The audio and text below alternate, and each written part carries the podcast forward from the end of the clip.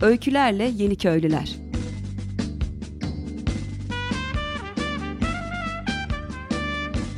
Türkiye'den ve dünyadan kırsala dönüşün öncüleri.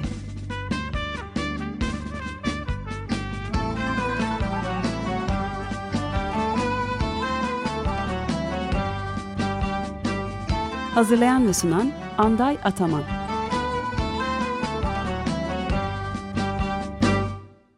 Sevgili Açık Radyo dinleyicileri, bugünkü programımızda e, sevgili Erdem Köksal'ı e, konuk ediyoruz.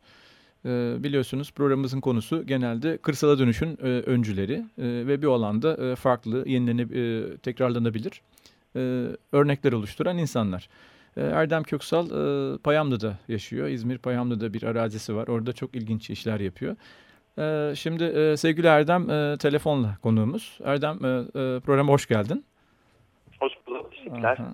Evet, e, şöyle başlayalım istersen. E, Erdem Köksal e, kimdir? E, ve öncelikle şehirde ne yapardı? Şehirdeki yaşam öyküsü, insan ilişkileri, e, ekonomik ilişkileri e, neydi? Kısaca e, onunla e, onu anlatarak başlayabilir misin? Hı, tabii ki. Şimdi e, konuk olduğum için çok teşekkürler bu arada. E, keyfim çok yerinde. Zeytinleri topladık. Ondan sonra üzümleri kuruttuk yağmuru başlamadan. Yani şu an tam şey modundayım. E, tamam şimdi takılabiliriz modundayım. Şimdi Çok kimim ben? E, iki tane harika kızım var. E, 18 aylık bir de 7 yaşında. Aa, evli mutlu. Um, şimdi evlendirme dairesinde e, çalışan bir babam vardı benim. Konsoloslukta çalışıyordu Almanya'da. E, dolaplarımızda hep çikolatalar olurdu. Öyle mutlu bir e, geçmişim var aslında. Güzel. E, Almanya'da yaşıyordum. Orada bir düzenim vardı. Ama o düzenden, o şeyden sıkılıp İstanbul'a e, göç ettim. Üniversite okumak için. İşte üniversite okudum. E, burada bayağı işte keyifli zaman geçirdim. Üniversite zamanımda e, para kazanmak lazım. Bir eve ihtiyacım var. Ondan sonra işte bir güzel bir hayata ihtiyacım var. Ne yaptım? Hepsini birleştirince ne çıkıyor? Hostel çıkıyor. Ben de bir tane hostel işletmeye başladım. Daha sonra hostel açmaya başladım. Beyoğlu'nun ilk hosteli. Ee, ondan sonra o böyle biraz büyüdü, çoğaldı. Ee, biz o arada Ayşegül'le tanıştım. Ayşegül benim eşim. Ee, Ayşegül'le evlendiğimizde e, 2004'te git dedik ki hadi bir Almanya'ya gidelim. Bir oradaki bir düzene bakalım.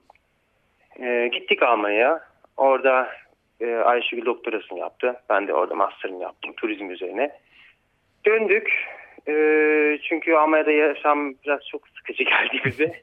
Almanya'da bar, e, pub işlettik o arada işte üniversite zamanımızda. E, İstanbul'daki işlerimi çoğalttım, büyüttüm. Hosteller çoğaldı. Ben de dedim ki tamam hadi İstanbul'a dönelim artık. E, gittik döndük İstanbul'a. O girdabın içine girdik. O girdap bizi çekti. İstanbul'un girdabını herkes bilir zaten. Hı hı. Ee, Tam burada o zaman. doğdu. Ondan sonra benim kızım e, Lemis doğdu. E, Ayşegül üniversiteye gidiyor. E, çalışıyor orada öğretim görevlisi olarak. Ben de işte hostellerle ilgilenirken bir baktık ki bir dakika ya kızımıza bakamıyoruz. Kızımıza bakıcı bakıyor. Ben eşimi göremiyorum çünkü akşamları çalışıyorum. Eşim sabahları çıkıyor. Tam böyle e, ben uyuyorum e, geç eve geldiğim için.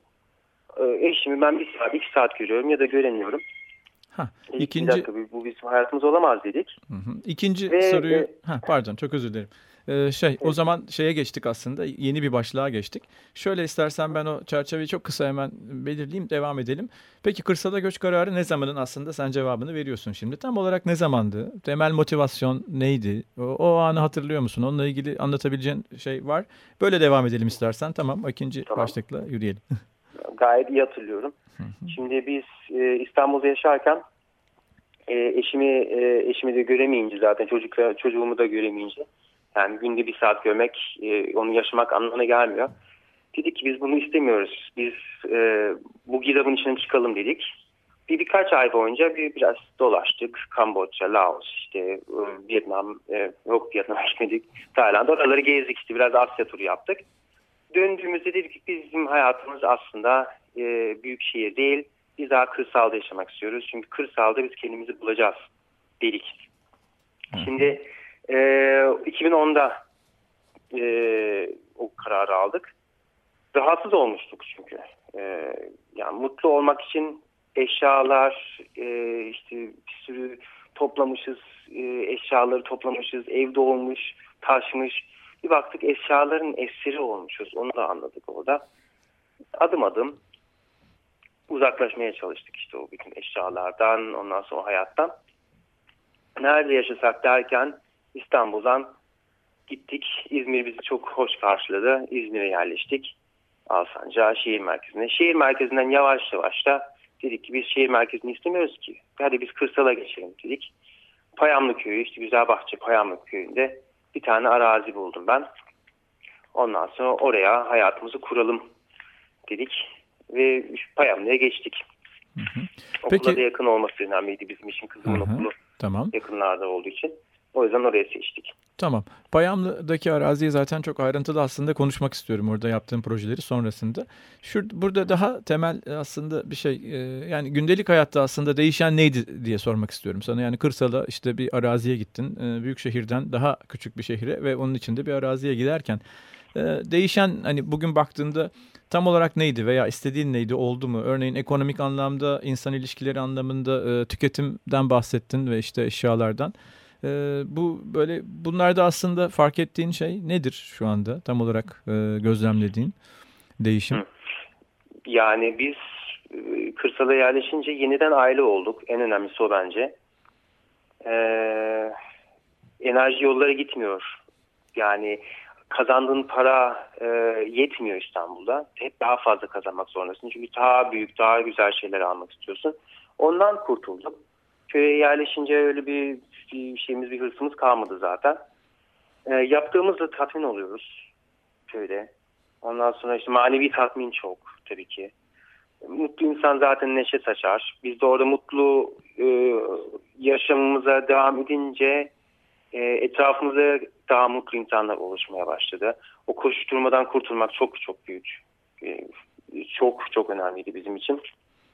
O kadar çok var ki kafamda projeler, e, o projeleri gerçekleştirmek için vakit bulamıyordum. Şimdi o projeleri gerçekleştirmek için vakit bulabiliyorum. Oyun oynuyorum aslında. Hani e, beni işte 30 yıl önceki e, zamana ışınla Legoları koy önüme. Ben öyle takılıyorum aslında şu an. Legolar biraz büyüdü tabii ki. Lego taşları. Yani bitmeyen bir motivasyon var ve umutluyum ben aslında gelecekçe. Yorgun e, yatıyorsun ama kas yorgunluğu, kafa yorgunluğu değil. Yani mutlu yatıyorsun gece yatarken. Hı hı. Peki. Şimdi, e, evet. Hı hı. Şeyde e, arazide şimdi e, arazide ikinci bölümde daha ayrıntılı konuşalım istiyorum. E, ama son olarak birinci bölümü e, bitirmeden önce son olarak arazide genel olarak nasıl bir planlama yaptın? Neler yapıyorsun? Örneğin işte kendi gıdanı üretiyor musun? Barınakla ilgili, enerjiyle ilgili düşündüğün veya uyguladığın çözümler neler? Nasıl yardım alıyorsun? Kimlerden? Onunla ilgili böyle kısa istersen bir şey yapalım. E, bölüm yapalım. Arkasından bir ara vereceğiz. E, sonra daha ayrıntılı olarak devam edelim. Daha üretimi çok fazla geçemedim. Biz e, Payamlı Köyü'nü daha yapıyoruz. Daha henüz yapım aşamasında. Bizim ikinci kızımız doğdu işte bundan 18 ay önce. O zaten bir e, ana iş oldu benim için tabii ki işim içinde. E, keyifli zaman tabii ki. O yüzden çok fazla ağırlık veremedim ben şimdi e, Örçip'e, Erçip'e, Payam'daki hayata. Biz ne üretiyoruz? Bizim üzümümüz var, incirimiz var. Çok güzel. Ondan sonra e, küçük bir bostan yapmıştık geçen sene. Bu sene hiçbir şey yapamadık çocuktan dolayı. E, ev yapıyoruz bir tane. E, onu zaten sonra konuşuruz her çiftimizi. Ondan sonra e, başka neler var? Oynuyoruz. Zeytinlik var. Zeytinyağımızı sıktık iki gün önce. O da çok güzel bir şey. Hmm, başka? Enerjimizi üretmeye başlayacağız. Kendi suyumuzu çıkartıyoruz. Kendi suyumuzu üretmeye başlayacağız. Üretim dediğimiz hasat et, etmeye başlayacağız. hasat evet. Evet. Ha, su hasadı, yerel enerji. Evet çok güzel. Üretim yok dedin ama bence aslında hiç de, e, küçümsenmeyecek bir üretim var orada. Evet. Kendimizi yetmeye çalışıyoruz tabii Hı -hı. ki. Peki evet. şeylerden kısaca bahseder misin? Gönüllü organizasyonu yani e, onu nerelerden gönülleri buluyorsun? E, bu işleri tek başına yapmıyorsun muhtemelen. Hı -hı. E, bu, buralarda nasıl kaynaklar kullanıyorsun? Kısaca sonra e, onun ayrıntılarına da gireriz istersen. Tamam. Şimdi biz tabii ki yalnız yapamam bunu. Yalnızlığı da sevmem zaten. ikiz kardeşim var benim hayatım boyunca ve ondan önceki hayatımda bile hep bir yanında birisi vardı. O yüzden bunu tabii ki yalnız yapamam. Şimdi Erçip'e e, başlarken önce bir arkadaşlarla başladım. Bir iki kişi geldi. Ondan sonra gönüllüler gelmeye başladı. Gönüllülerde işte Workaway diye bir sayfa var. HelpX diye bir sayfa var mesela. O sayfalara üye oldum. Oradan e, nasıl bir profil aradığımı yazıyorum. İnsanlar geliyor, bir hafta gelebilirim, üç hafta gelebilirim diyerek bir baktım gel, gelmeye başladı insanlar. Herkesin elinde bir bir, bir, bir enerji var. Ben işte e, şey e, bostan konusunda çok iyiyimdir. Ben çiçeklerle uğraşabilirim. Ben çocuklarla oynayabilirim. Derken böyle bir pozitif topluluk oluşuyor. Ve hep birisi bir şeyler yapabiliyor. Yani birisi yemekleri pişiriyor. Üç kişi, dört kişi de haldır huldur giriyor. Ee, ev yapıyoruz. Bostan yapıyoruz falan filan yapıyoruz. Öyle Workaway ve Happy sayfalarından buldum ben kişilerin. Aha, bir de tamam. Tatuta var tabii ki buğdayın. Ona daha henüz üye olmadım ama buğdaydan çok arkadaşlarım olduğu için öneriler geliyor. Bak burada bir arkadaş var senin yerini merak ettiler diye. Oradan da çok güzel, Hı hı. çok tatlı insanlar geldi bize. Tamam. Anladığım kadarıyla orada yalnız değilsin. Dünyanın her yerinden yardıma gelen e, gönüllüler var. Peki şimdi kısa bir müzik arası vereceğiz. E, ben e, senin için aslında seçtiğim özel bir parça var. Onu anons etmek istiyorum. E, Kolektif İstanbul'dan e, Şişede Bade Durmaz. Ha, harika. Teşekkürler.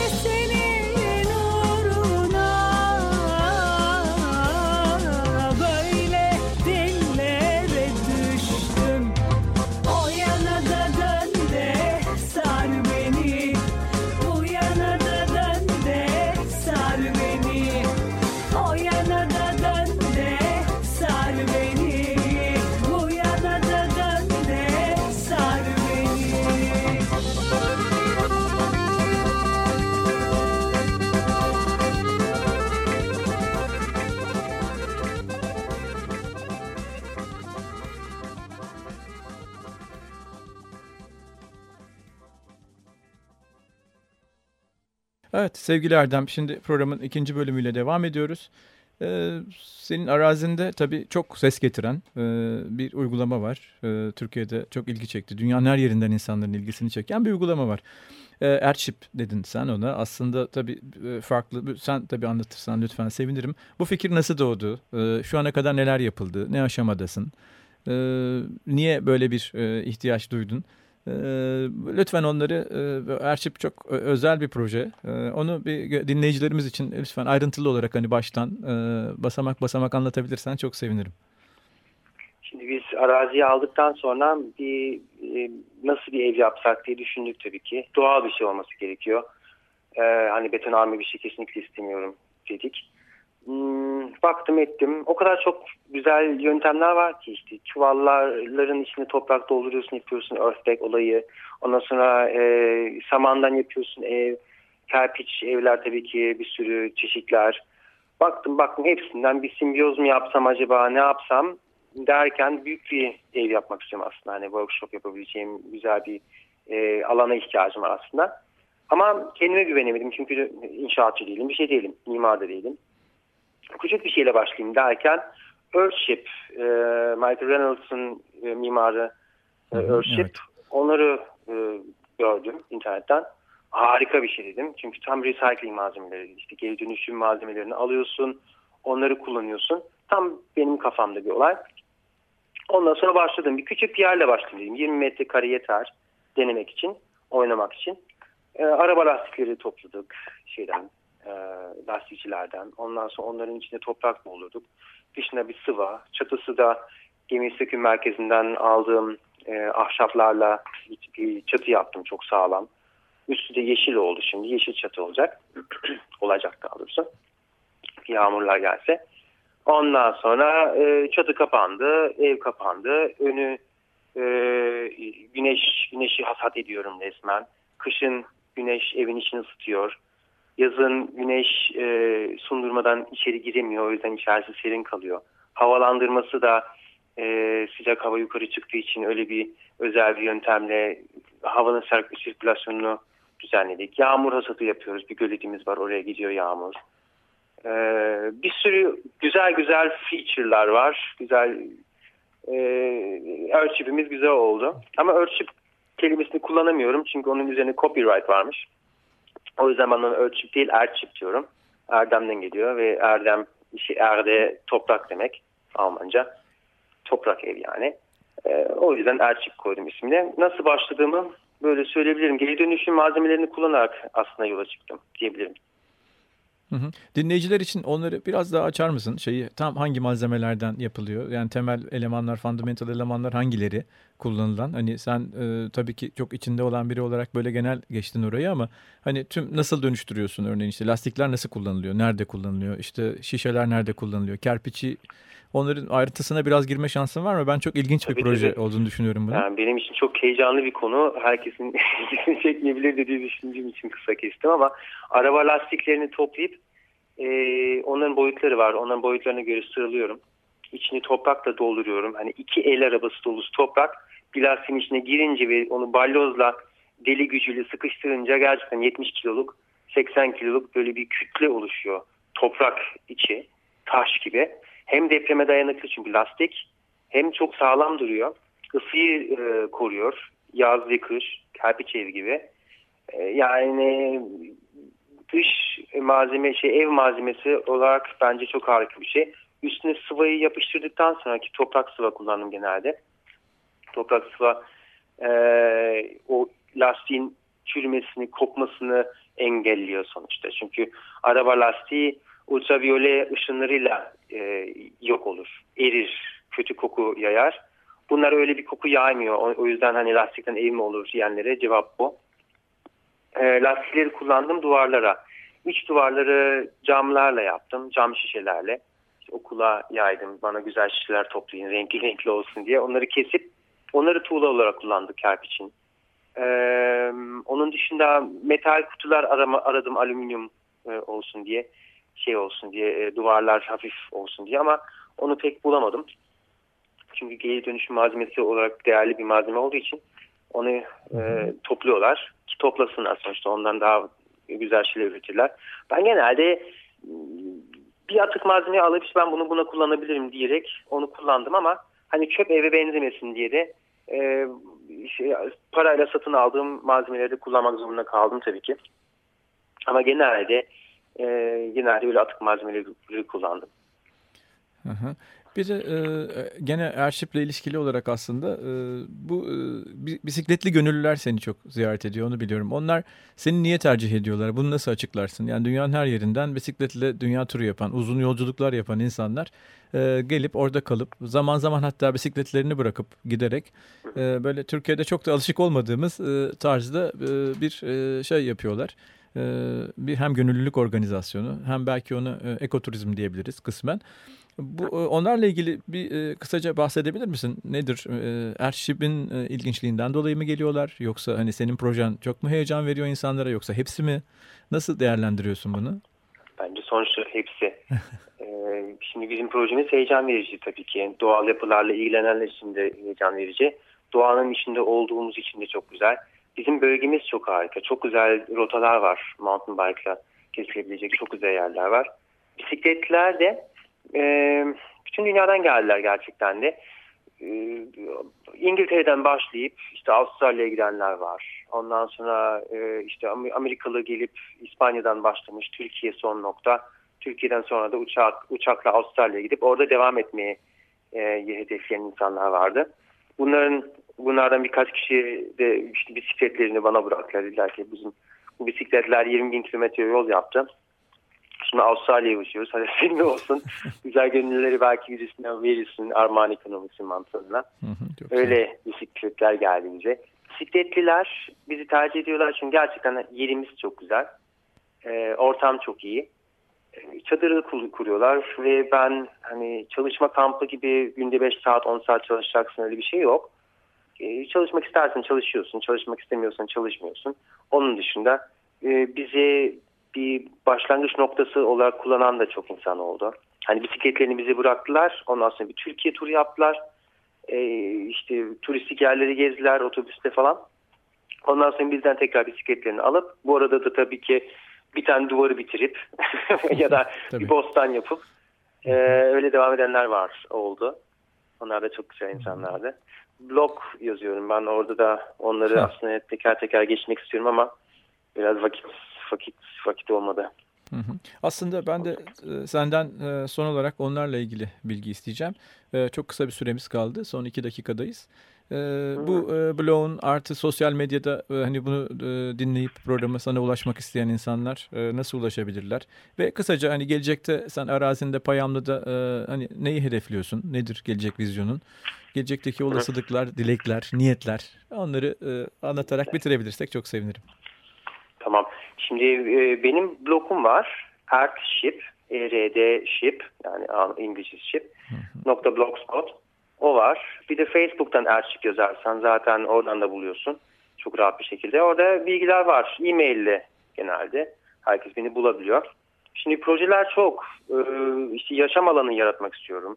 Gezi rotaları çıkardık orada. Çok güzel gezi rotaları var. Bisiklet, yürüyüş. Ee, onları biraz daha faaliyete sokmak istiyoruz. Çeşitli doğal yapılarla da e, konaklama şansı olacak herkes için. Ama bunun işte benim param var ben parayla kalırım diyenler de olacak. Benim param yok çalışabilirim diyenler de olacak. Takas ekonomisi yani. E, armağan ekonomisini biraz daha canlandırmak istiyoruz. Hani ben sana e, yardım ediyorum, sen de bana yardım ediyorsun. Hepimiz e, öyle bir onu gerçekleştirmek istiyorum ben şu bu projede, bu arşivde. Ee, YouTube'dan ya da internetten bulduğum bir sürü güzel küçük küçük projeler var. Onların hepsini yapmak istiyorum. Enerji Hı-hı. üzerine düşünüyoruz. Bir sürü şeyler. Hı-hı. Sürdürülebilir bir çiftlik olmasını istiyoruz. Permakültür zaten işin içindeyiz. Workshoplar yapacağız. Ee, en Hı-hı. yakın projede aslında kızlarıma bir ağaç ev süzüm var. Onu yapacağım. Şimdi e, hayat kısa ve güzel şeylerle doldurabileceğimiz e, anlar var. Bunu unutmamak lazım diyelim ben. Biz çok boş şeyleri üzülüyoruz sürekli zaten. Evet. Onları onlardan vazgeçip aslında ileri bakıp güzel projelerle devam edelim istiyorum. Ee, yani budur. Tamam. güzel. Çok güzel. Ee, peki sevgili Açık Radyo dinleyicileri bugün e, İzmir Payamlı'dan e, telefonla programımıza katılan Erdem Köksal'dı. Projelerini, öykülerini anlattı. E, kendisine tekrar çok teşekkür ediyorum. E, Öykülerle Yeni Köylüler programı her cuma saat 14'te e, Açık Radyo'da böyle öykülerle devam edecek. Hoşçakalın.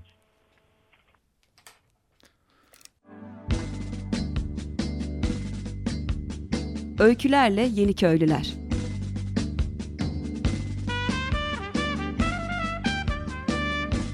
Türkiye'den ve dünyadan kırsala dönüşün öncüleri.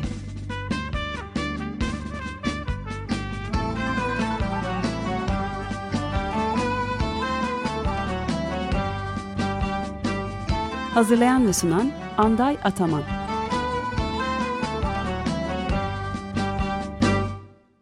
Açık Radyo program destekçisi olun.